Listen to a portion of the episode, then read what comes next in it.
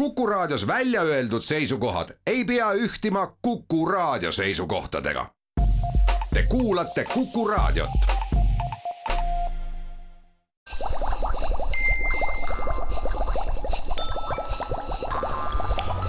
kukkuv õun. head Kuku kuulajad, Kuku Õun eetris. täna olen külla kutsunud kaks tehnoloogiaettevõtjat firmast Up Catalyst, Gary Urbi ja Einar Karu, tervist!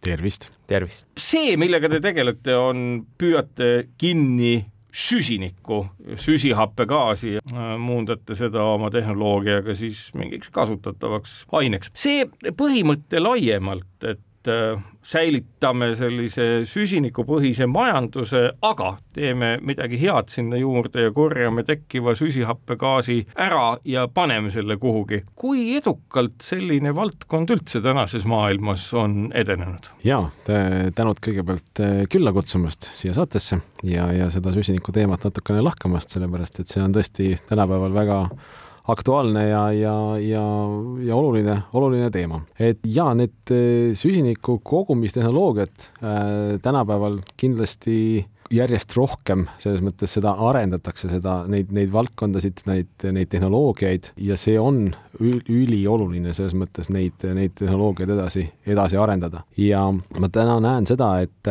et, et ka meie ettevõtte puhul on selles mõttes seda tulevikku päris, päris tublisti. mõnes mõttes me ju elame selle tehnoloogia keskel seda on meie ümber igal pool, milleks on fotosünteesivad taimed, mis täpselt seda ju teevadki.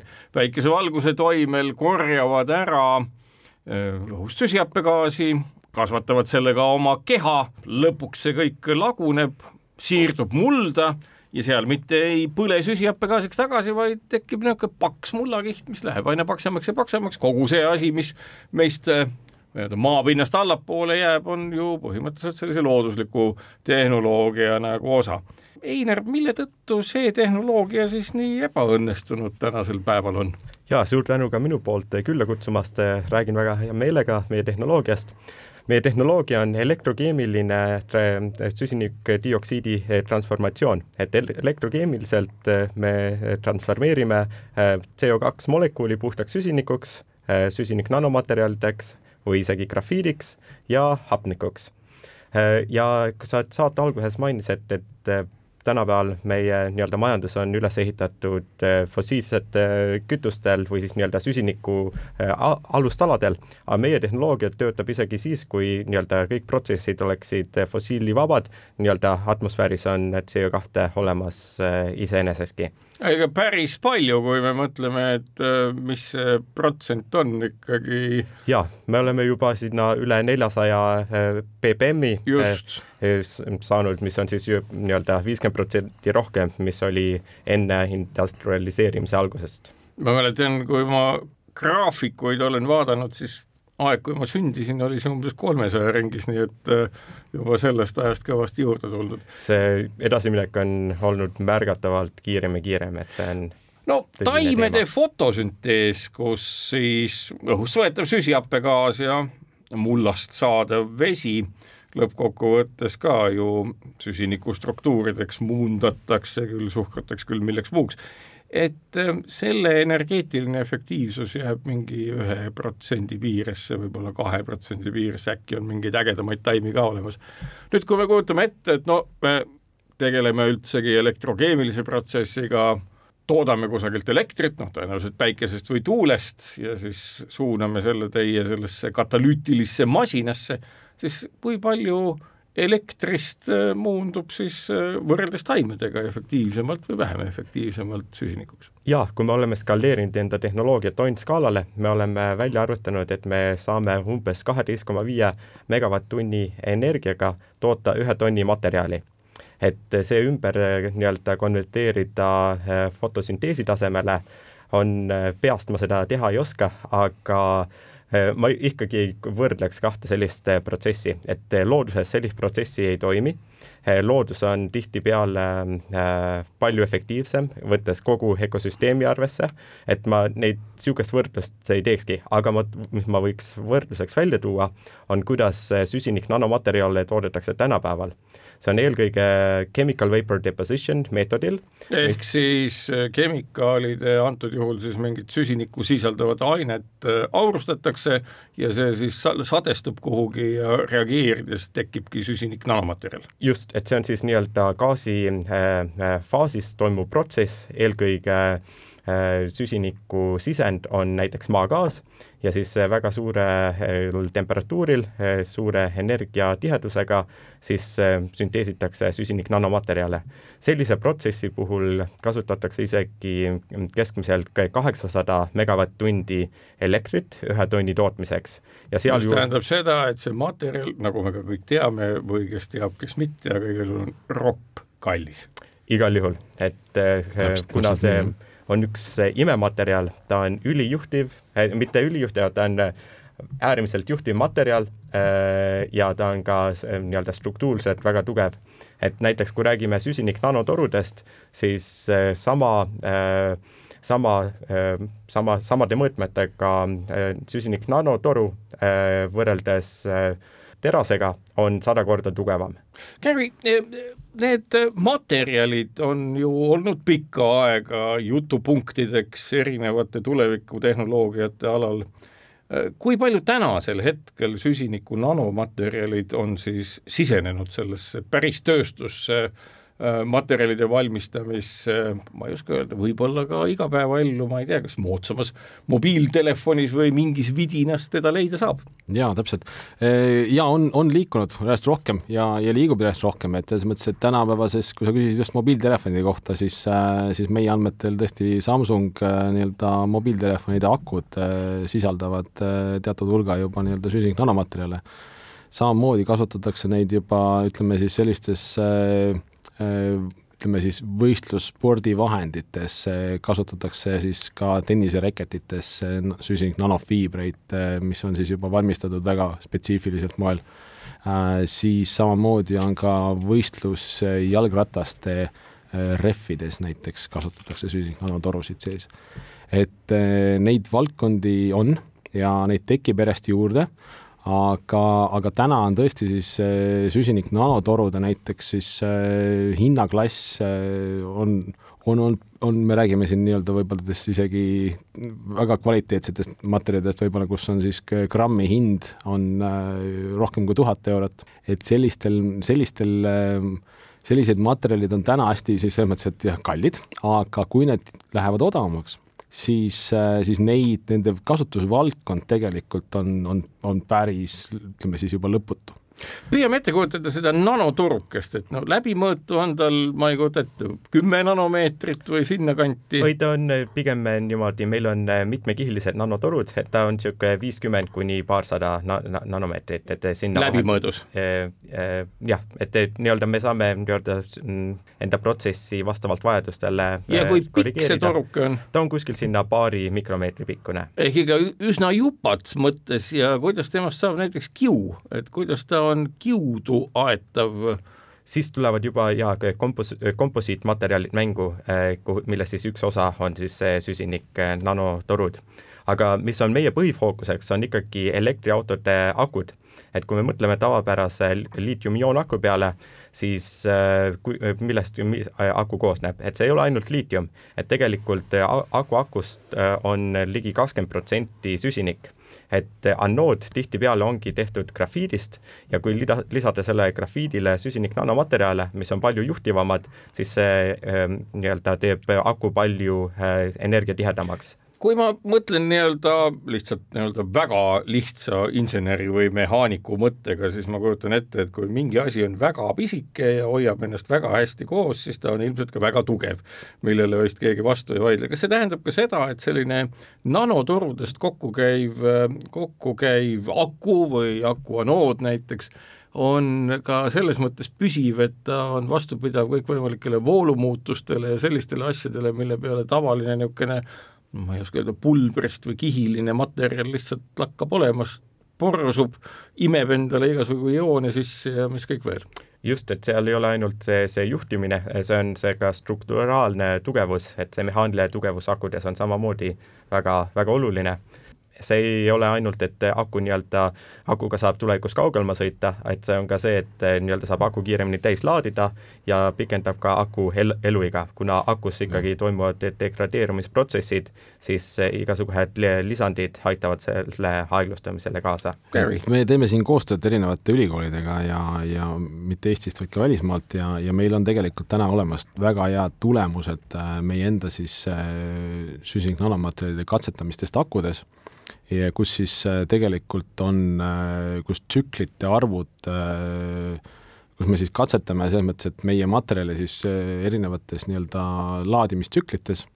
Ja need laadistsüklite arvud, kui ma Einar ei eksi, siis meil olid juba vist seal no üle tuhande on, oli tehtud kindlasti, eks ju? üle tuhande olid tehtud, võimalik, et katse ikka veel jookseb ja tavapäraselt, kui me mõtleme, ma ei tea, näiteks laptopi aku peale, siis see tavapärased tsüklid on sinna kaheksasaja ringis, et pärast seda on nii-öelda mahtuvusest allus jäänud kas pool või vähemgi, siis meie materjaliga pärast tuhat tsüklit olime ikka seal üheksakümne protsendile väga-väga lähedal ma mõtlen hoopis teise asja peale, ennem kui me selle saate osaga ühele poole saame, et atmosfääris on ju tegelikult miljardeid tonne süsinikku, mis on sinna liigselt sattunud.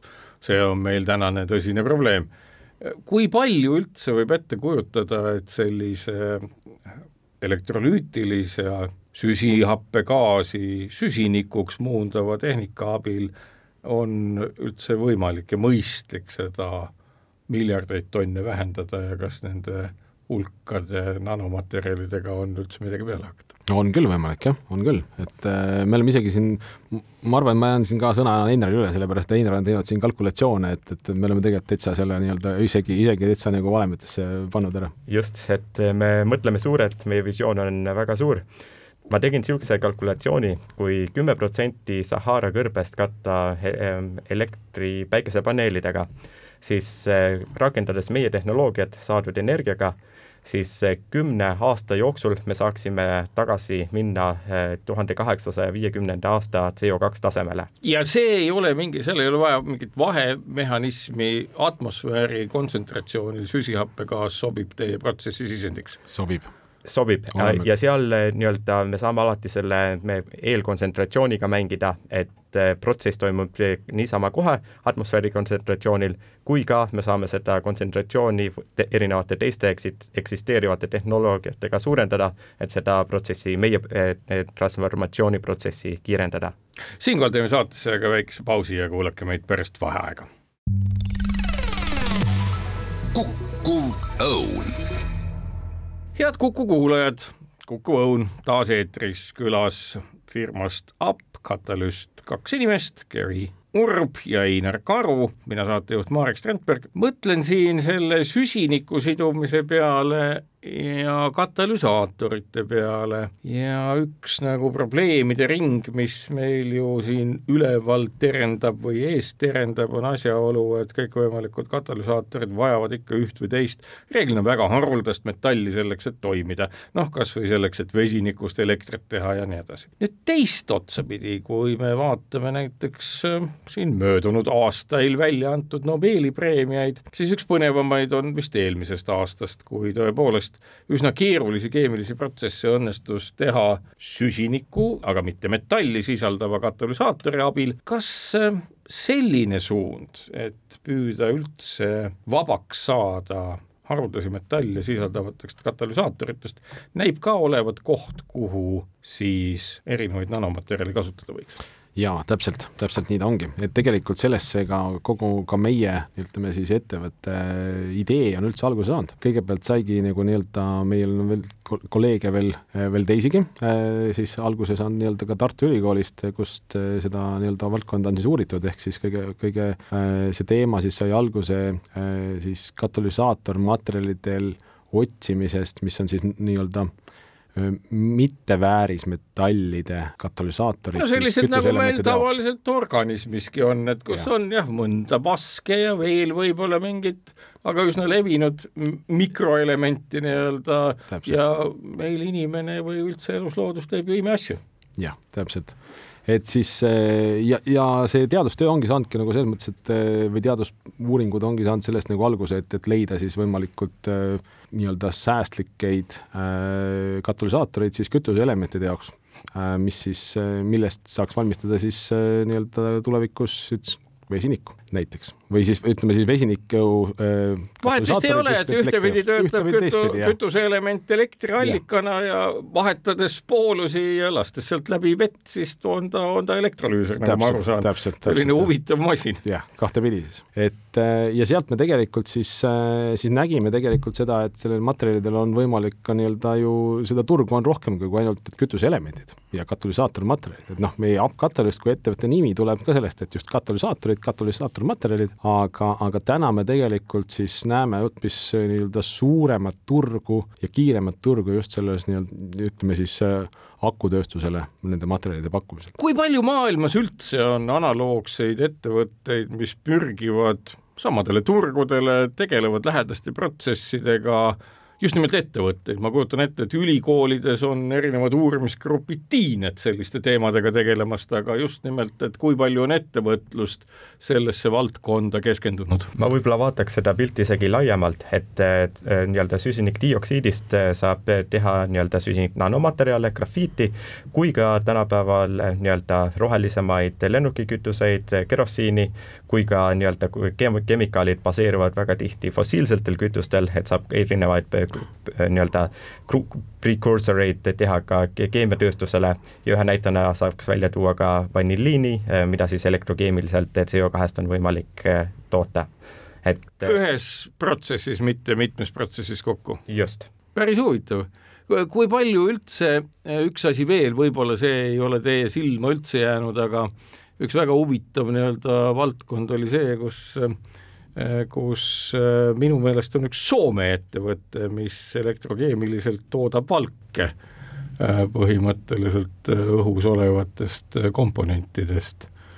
Ma ei mäleta, mis selle ettevõtte nimi oli, aga põhimõtteliselt masin on nende pärusmaa, kus nupule vajutades hakkab õhust tulema toitu just, et bioreaktorid on väga-väga kuum teema praegu ja kuidas siis toota alternatiivselt proteiine ja valke et äh, see on äh, kindlasti üks äh, kuum teema ja seda nii-öelda firmad proovivad skaleerida ja siis teaduspoole pealt väga aktiivselt uuritakse.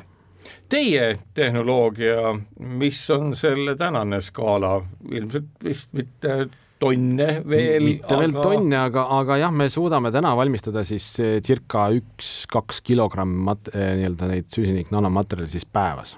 päevas? päevas, jah oh et meil, meil on täitsa täna olemas selles mõttes, äh, me oleme nüüd tegelikult seda ettevõtet nüüd siin kolm aastat teinud, alguses meil olid siis äh, sellised nii-öelda, nimetame siis lauapealsed ehk siis tabletop äh, reaktorid ja, ja tegime neid grammide skaalal siis, aga täna meil on laboris tõesti, meil on kaks niisugust suuremat reaktorit, mis on, ütleme siis, mis jah, on siis mahtuvusega niisugune kakssada viiskümmend liitrit siis sulasoola protsessi ja, ja, ja, ja tõesti, me suudame nagu valmistada circa jah, üks-kaks kilogrammi materjale, süsiniknanomaterjale päevas. Ja kui me mõtleme üldse nii-öelda elektriautode turu peale, siis äh, aastaks äh, kaks tuhat kolmkümmend on äh, nii-öelda prognoositud sada nelikümmend viis miljonit elektriautot, kui võtame keskmise elektriauto nii-öelda süsinikusisalduse kuuskümmend kuus kilogrammi, kui me korrutame omavahel, me saame kümme miljonit tonni süsinikku on tarvis eh, nende autode akude tootmiseks mm. -hmm. just nimelt sellist keerukamat süsinikku, mitte tavalist. see on siis grafiit koos süsinik nanomaterjaliga, et mõlemad on süsinikud, aga nii-öelda morfoloogia on seal erinev. mis see tänane seis on, et see on jätkuvalt tuhanded eurod grammi eest või selles valdkonnas näitab turg ka mingit langemust ja muud sellist? ei, turg näitab kindlasti langemust selles mõttes, et neid, eh, nagu sa ennem ka küsisid, jah, siis vastuseks sellele on tõesti neid, eh, neid ettevõtteid tekib järjest juurde, eh, selliseid, need, kes siis ka valmistavad siis süsinik nanomaterjale siis kas nii-öelda biopõhiseid või ka siis ka, ka CO2-st, et ka loomulikult ei ole meie siin maamuna peal ainsad, et, et ka meil on konkurente ja, ja, ja, ja see loomulikult nende materjalide hind siis langeb siin järgmiste, ütleme siis kümne aasta jooksul drastiliselt. Et, et äh, samamoodi, kui me suudame ka oma nii-öelda siis äh, tootmise viia nii-öelda tonnskaalale, siis, siis loomulikult nende materjalide hind kordades tegelikult ka oma tootmishind kõik langeb. Kui nüüd natukene uurida, nii palju kui te rääkida saate, et see sulasoola protsess on siis kas igasuguse sulasoolaga tuleb ta välja või kui palju te sellest detailidest rääkida saate, selles mõttes, et ma saan aru, et sulasool on vajalik selleks, et oleks nii-öelda piisavalt sobilik selline vedel, aga piisavalt nii-öelda samas ka niisugune tahke ja elektrirohke asi, mis suudab süsihappegaasi nagu elektrokeemiliselt muuta. jah, täpselt. aga jah, ei me nii täpselt nüüd rääkida ei saa, et mis täpselt materjali sulasoola me kasutame ja nii edasi, aga ütleme kuulajad kindlasti me, raadio juures kõrvad kikkis, et vaadata ja kas saab ka retsepti, aga sedapuhku ei saa. sedapuhku retsepti ei saa, et noh, et see ongi meie nii-öelda siis nii-öelda omad nii-öelda intellektuaalomandi teadmised et, et sedasama nii-öelda seda sulasoola retsepti oleme siin arendanud äh, juba mitmeid aastaid, eks ju, siin samamoodi ka see, et, et mis, mis materjalidest on need elektroodid, mis materjalidest on see kogu see nii-öelda ka see äh, reaktor ise äh,, see kõik omab nii-öelda, omab efekti nende materjalide valmistamisel, samamoodi, mis on nii-öelda meil, kuna kõik tegemist on elektro, elektrokeemilise protsessiga, siis kogu see nii-öelda siis ka ka, ka, ka elektriprogrammid, mis me tegelikult selle jaoks kasutame, on loomulikult meie enda know-how. just, ja need lisandid samuti eh, väga väikeses koguses lisanda, lisandavad lisandid eh, sulasoola, et see on ka meie eh, nii-öelda eriline see on siis osa retseptist. aga siinkohal teeme saatesse väikese pausi ja kuulake meid pärast vaheaega.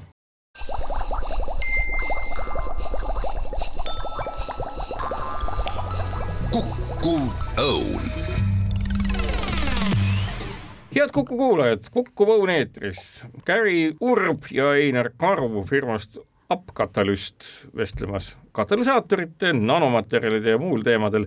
eelmises saate osas ei jõudnud me sinnamaani, et oleks kuulata saanud midagi täpsemalt sellest retseptist, aga arusaadavalt ettevõtted ju oma retseptide ja teadmiste peale elavad, olgu need kondiitrid või nanotöösturid, vahet pole. aga ühte asja ma küsin kindlasti, et ja see on nagu seotud sellega, et kindlasti arvukate katsetustega olete te, olete te lihvinud ja uurinud seda, et kui palju siis nagu sellises ütleme, keerukamas elektrokeemilises protsessis kõikide nende lisandite, töötlemisrežiimide ja muu sellisega on siis võimalik selle süsiniku nanomaterjali enda struktuuri ja omadust muuta?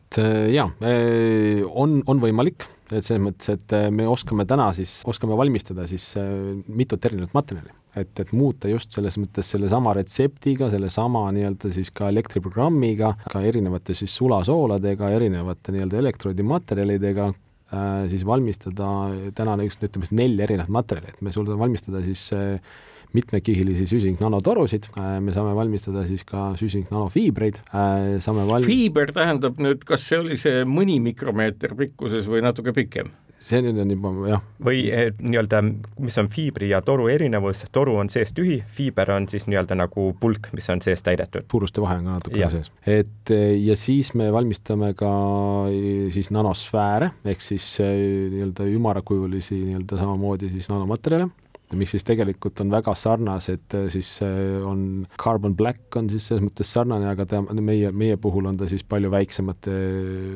nüüd ütleme, see sfäärid on siis palju väiksema suurusega, et Carbon Black aga need ei ole asjad, mida kutsutakse fullereenideks? Need ei ole asjad, mida nimetatakse fullereenideks, jah, need on siis, see on ikkagi meil täna siis nii-öelda äh, ingliskeelne termin on siis jah, spherical carbon või isegi nimetatakse siis nagu seest täis, mitte tühi. siis seest täis jah, ja isegi kutsutakse, teise terminiga kutsutakse isegi nanoonionideks ka, et Nan-, äh, nii-öelda äh, nanosibulad. nanosibulad, jah ehk et ta on Eks ka ta, sibula ta, mõte, et ta on nagu kihiline, kihiline., ta on täis, ta on täis, ta on täiesti täis ja kihiline. mõnes mõttes on ju see päris huvitav selles mõttes ette kujutada, et igal sellel materjalil on ju täiesti erinevad nii mehaanilised kui ilmselt ka keemilised omadused. igal juhul. absoluutselt, absoluutselt. siis valmistame veel neljandat materjali ka, mis on siis äh, grafiit, ehk siis grafiit on siis nagu kõige ütleme siis kõige tuntum nendest materjalidest ja mida kõige rohkem tänapäeval siis maailmas ka kasutatakse. seda on ka kõige lihtsam valmistada või ei ole see nii? ütleme, meie protsessis on ta tegelikult suhteliselt äh, sama, et, et aga, aga tõenäoliselt me saame lihtsalt ütleme niimoodi süsiniknanotorude valmistamisel valmistamiseks meil on vaja veel puhtamat nii-öelda, kuidas öelda, CO2, et äh, grafiidi valmistamiseks võib-olla see CO2 ei pea meil olema niivõrd puhas. ja grafiidi puhul saame kasutada ka madalamat temperatuuri. kuidas me oleme jõudnud nende nelja põhiproduktini, me oleme teinud äh, sadu, sadu katseid, et välja töötada need kõige paremad retseptid, need, nende omadusi võimalikult palju parand-, parendada. kui üldse laiemalt küsida, kas, mis teile tundub, kas kogu selline maailma tööstus, uus materjalitööstus liigubki sellistesse suundadesse, noh loomulikult alles jäävad kõik baaskeemiatööstused ja muud asjad, kus tehakse happeid ja muidki asju, aga et kas sedalaadi tööstus ja sedalaadi tehnoloogia võiks olla ka noh, Eesti jaoks näiteks selline uus keemiatööstuse tõus, vana keemiatööstus kunagi ennem teist maailmasõda, hiljem siin Nõukogude Liidu kontrolli all ju midagi siin ka tekkis ja oli päris ulatuslik, kas selle taastamine on ebamõistlik ja pigem selliste uute tehnoloogiate loomine mõistlik? ütleme siinsama selle süsiniku puhul siis jah, et kui me räägime grafiidist näiteks, et eh, jah, et selliste tehnoloogiate puhul, nagu meil see on, siis me saame valmistada seda igal pool, igal pool, kus on CO2, ja kuna me vajame ka elektrit, siis igal pool, kus on elektrit tegelikult, et äh, igas riigis on võimalik, et kui täna näiteks see grafiit on, on nimetatud Euroopa Liidus siis kriitiliseks tooraineks, kuna tegelikult seda Euroopa Liidus on väga vähe. akutootjad, grafiidimaailm, selles mõttes grafiidi tootmine on, on täielikult siis või seitsmekümne viie protsendi ulatuses tegelikult kontsentreerunud Hiinasse täna. teiselt poolt jah, seda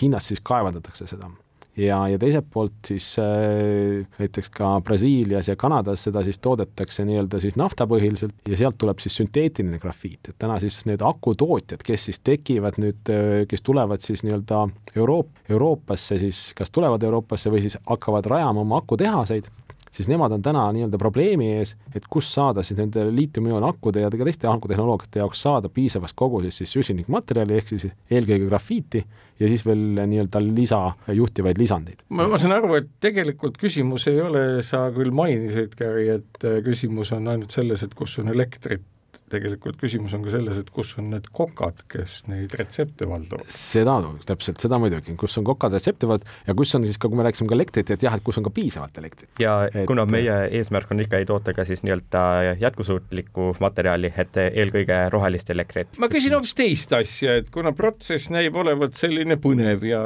igasuguses nii-öelda sulasoolas, kujutan ette, kõik need struktuurid, mis lainet mõjutavad, ilmselt väga mitmekesised. kas sama tehnoloogia või lähedane võiks kõne alla tulla ka näiteks praegu ühe üsna suure probleemi lahendamisel, milleks on nendesamade akude taaskasutamine, et kuidas sobiks midagi sellist lahutamaks ka nii-öelda elektroonika või akujäätmeid uuesti komponentideks? jaa, akude taaskasutamine, see on väga suur teema, et akudest nii-öelda liitiumi ja nende kallite metallide väljavõtmine on juba päris hästi arenenud, aga see süsiniku pool, see on alles nii-öelda lapsekingades, et sellega tegeleb ka äh, Keemilise ja Bioloogilise Füüsika Instituudi teadusgrupp väga aktiivselt, et kuidas akudest välja saada just see süsinik ja kuidas seda taaskasutada või siis kuidas see edasi nii-öelda konverteerida isegi grafeeni lähedasteks äh, äh,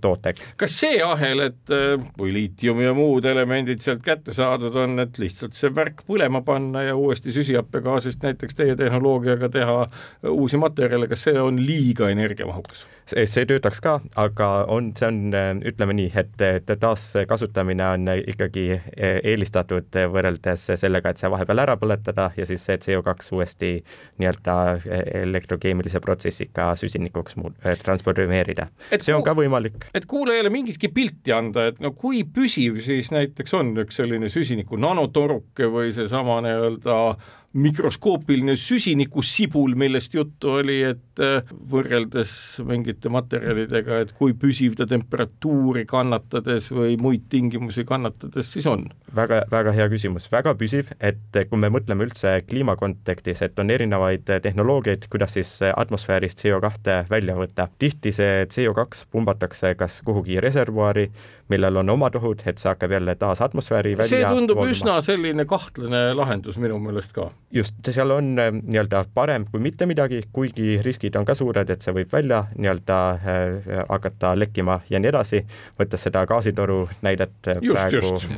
Äh, väga aktuaalselt käsile, aga nii-öelda meie tehnoloogia puhul, et meie siis nii-öelda transformeerimegi selle siis gaasiolekust tahkesse äh, nii-öelda olekusse ja süsinik ise, ta on nii-öelda stabiilne tuhandete kraadide juures ja kui me nii-öelda eesmärk on lihtsalt atmosfääris süsiniku eemaldamine, siis see materjal on nii-öelda stabiilne tuhandeid aastaid. no ma arvan, isegi pakuks siis miljoneid aastaid. no ja isegi kümneid vist, kui me mõtleme praegu selle peale, mis on saanud nii-öelda mullast ja kõikidest setetest nafta, gaasi, söe, põlevkivi ja mille iganes näol, ei ole nendega juhtunud maas mitte midagi. süsinik ikka süsinik. just millistesse valdkondadesse veel, ma saan aru, et see materjali püsivus on üsna selline, et äh, seda võiks ka kosmosetehnika loomisel kasutada, praegu küll ma saan aru, kosmose innovaator Elon Musk on kasutusse võtnud ulatuslikult roostevaba terase, mis ka taaskasutatav materjal, kas nii-öelda mingil hetkel võiks süsinik seda asendama hakata? jaa, absoluutselt, selles mõttes, et täpselt nende materjalide kasutuskoht ja üks valdkond, kuhu me ka täna selles mõttes äh, turgu otsime, sihime, on siis ka komposiitmaterjalid, ehk siis äh, need süsinikkiust ja, ja süsinikkomposiitmaterjalid, selles mõttes need on täpselt ka, saab, saab valmistada nii-öelda põhimõtteliselt mida iganes asju. kindlasti siin on nii-öelda noh, kosmosele samamoodi, nendega saab isegi nii-öelda lisadeks ka metallile juurde neid, metalli tugevdavad ja, ja neid, neid kas ma saan aru, et see, ütleme, kui teras sulab meil mingi kaheksasada, üheksasada kraadi vist või kuskil sealkandis, noh, ka kõrgemal temperatuuril, et see süsiniku nanomaterjal peab veel sellel temperatuuril täiesti rahulikult vastu, kui tal hapnikku ei ole, kas ta siis moodustabki terasega mitte enam lahustuvus moel, nagu kus süsinik lahustub näiteks rauas ja moodustub teras või malm või mida iganes, kas see terake jääb ka siis sula, sulasmetallis ellu või? just, see jääb, kuna meie protsess ka toot-, nii-öelda on, tootmisprotsess on nii-öelda sulasooles, et selle nii-öelda ligi kaheksasaja kraadi juures ei juhtu selle äh, süsinikuga mitte midagi. kas keegi on proovinud näiteks, ma ei tea, alumiiniumit kom-, kombineerida komposiidiks nende, noh, mis sulab veel madalamal, mingi, ma ei mäleta, millisel, aga igal juhul mitte oluliselt üle seitsmesaja kraadi temperatuuril kokku panna ja vaadata, mis välja tuleb. ma olen kindel, et seda on proovitud, ma ise ei ole kahjuks selle valdkonna ekspert, aga kindlasti nii-öelda seda on proovitud. siinkohal teeme saatesse väikese pausi ja kuulake meid pärast vaheaega. kukkuv õun head Kuku kuulajad, Kuku Õun taas eetris, külas Gary Urb ja Einar Karu, mõlemad firmast Upcatalyst, mis tegeleb täiesti uute materjalide loomisega puhtast õhust. mina saatejuht Marek Strandberg. Ja küsingi siia juurde, nüüd küll õhuga panin ma mööda, selles mõttes, et põhiliselt õhus olevast süsihappegaasist, antage mulle andeks see ebatäpsus, aga küsingi siit juurde, et me oleme ju nautinud päris pikka aega oma sellist IT-maa kuulsust, kuidas teile tundub, et kas äh, võiks tulla nagu selline järgmine laine, et me oleme olnud siin ka juttudes edukad küll ka mingi geenitehnoloogia ja geenivaramu vallas, et kas nüüd on tulemas uus laine? no me tahaks küll seda nii-öelda seda seda, seda muuta siis ütleme, et, äh, et, et sellist, sellist lainet tekitada, et, et äh, kui jah, tõesti Eestis on, on mitmeid nii-öelda üksikharvikuid siis juba tekkinud nii-öelda IT-maailmas ja sellega nii-öelda päris kõvat äh, tuntust kogunud, siis, siis tegelikult tõesti Eestis on ka väga tublisid teadlasi, väga tublisid teadusasutusi ja, ja tänaseks on kasvanud välja ka mitmeid tublisid siis süvatehnoloogia ettevõtteid ja, ja loomulikult siis üks, üheks nii-öelda me nimetame ka ennast ja, ja tõesti tahaks seda nii-öelda siis sellist sellist, sellist lainet siis tekitada, et, et ka sellised äh, teaduspõhised ettevõtted äh, saaksid maailmas siis äh, sellise, saaksime kõigepealt valmistada sellist nii-öelda tehnoloogiat, mis on siis, arendada seda tehnoloogiat sellisele tasemele, kus me oleme maailmas esirinnas ja, ja, ja loomulikult siis valutada ka turgu ja, ja, ja saada selliseks nii-öelda siis eesmärgiks loomulikult üksolikuks saada ja kui me mõtleme üldse, tegelikult me oleme nii-öelda toormaterjali tootja ja kui me mõtleme, et kuidas tänapäeval toormaterjali protsessid välja näevad, need ei ole muutunud aastakümneid. et me tahame tuua samasuguse muutuse, nagu on olnud IT-sektor tervele ühiskonnale, et me tahame samasuguse muutuse tuua toormaterjali sektorisse. et me ei saa olla äh, nii-öelda tingitud fossiilsetes kütustes oma elus, et on palju nii-öelda efektiivsemaid ja jätkusuutlikumaid protsesse, et ma leian, et meie tehnoloogia saaks olla üks suur edulugu selle nii-öelda transformatsiooni praegu mul mõte kogu aeg muidugi käib, et kus seda küll kasutada, kus seda küll kasutada, kus seda, üks mõte tuli pähe kohe, et äh, üks suurte probleemidega valdkond, mis äh, haigutab igal pool aina rohkem ja rohkem, ilmselt hakkab ka Eestit varsti kollitama, on tuuleenergeetika ja nimelt tuulegeneraatorite, mis mida iganes muud, vaid labad, mida täna tehakse tõenäoliselt mingisugustest äh, üsna raskesti taaskasutatavatest klaas- või süsinikjõududest, sidudes neid erinevate epoksiidvaikude või muu sellisega. kui ma kuulan teie juttu, siis ma kujutan ette, et ju mõni tegelane, ettevõtja, kes tahaks näiteks ju mingit läbimurret selles valdkonnas teha, et kas ma väga palju mööda panen, kui ütlen, et sellise süsinikulisandiga võiks ka täiesti tavapäraste metallide tihedust alandada ja tugevust kasvatada samal ajal. absoluutselt. igal juhul, et see aitab sama struktuuri valmistada palju kergemast nii-öelda materjalist ja nii-öelda vastupidavus saab olla no aga kui me tugevam. heidame siin õhku sellise idee, et kuulge, et kui te tahate nagu ka midagi uut teha, et siis siis äh, katsetage selle nanomaterjaliga ja püüdke sellest näiteks valtsides või muul moel nii-öelda siduda seda alumiiniumiga ja vaadake, mis välja tuleb.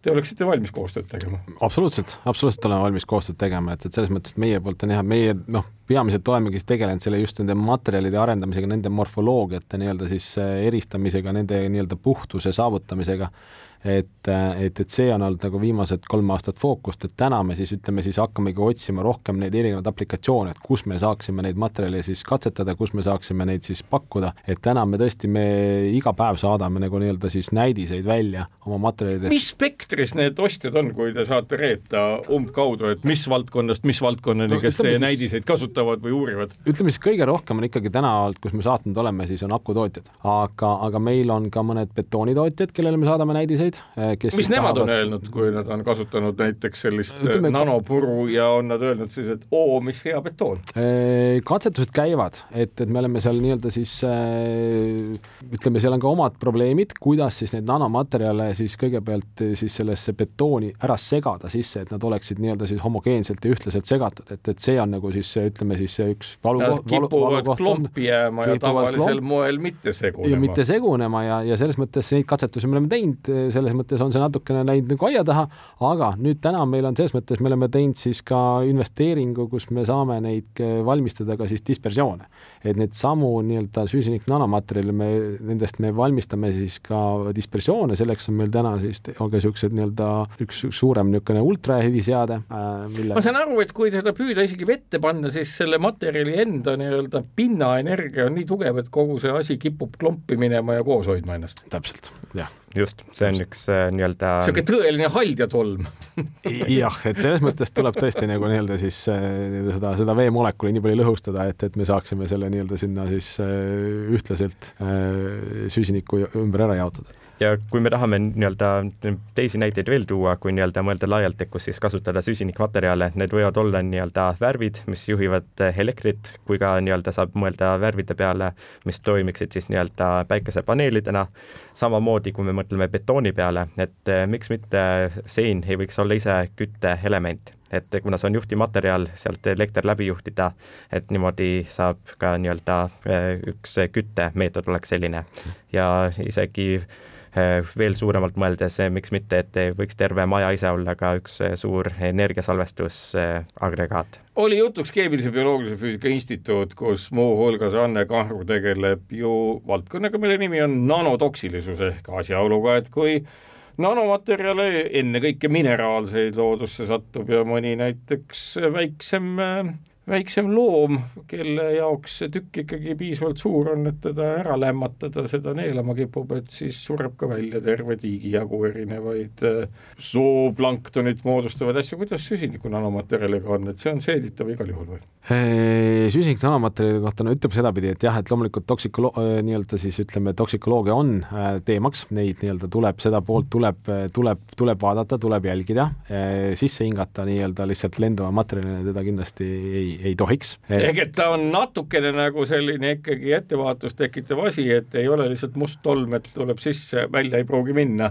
risk võib olla umbes samasugune nagu asbestiga kunagi. no täpselt. ohutus on alati nii-öelda prioriteet number üks, aga nii-öelda nano, et me ei ta-, siin ei tohiks natuke ka üle mõelda, et kui me mõtleme näiteks ka lõkke peale ja lõkkest välja tuleb to, nii-öelda toss, et tihtipeale seal on samamoodi, mis sealt välja tuleb, on ka süsiniku nii-öelda nanoosakesed, et nii-öelda äh, alati no samamoodi nagu diiselmootoriistki, et ega seda on peetud üheks suuremaks riskiallikaks. sama seis äh,. igal juhul, et ja me ei soovita kellelgi nii ega lõkketossu ega diislijauru sisse hingata, absoluutselt mitte, aga nii-öelda väga nii-öelda ajaloost väga kehv äh, näide on as-, asbest.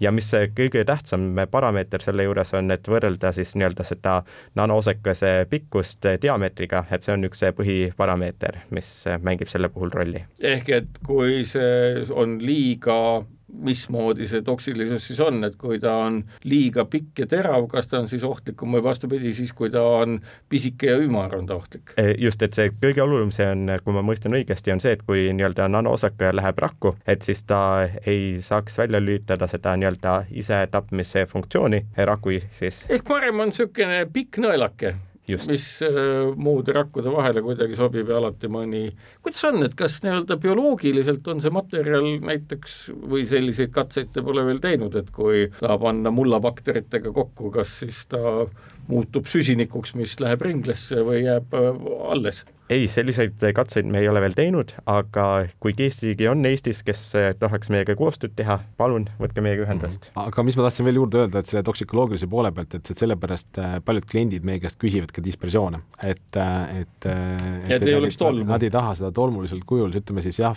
pulbrilisel kujul nagu oma tootesse lisada, et ka näiteks värvidesse näiteks, eks ju, et, et lihtsalt pulbrina sa lisada kuskile värvi sisse, siis sul teatud osa lendub sellest õhku. et juba ütleme tootmiskäigus, et nad pigem eelistavad teevad siis sedapidi, et me pakuksime nendele siis juba nii-öelda seda nii-öelda siis mingis kas vesikeskkonnas või lahustikeskkonnas.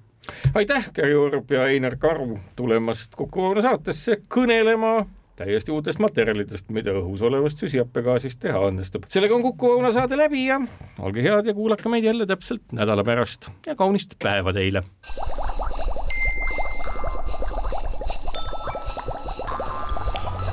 kukkuv õun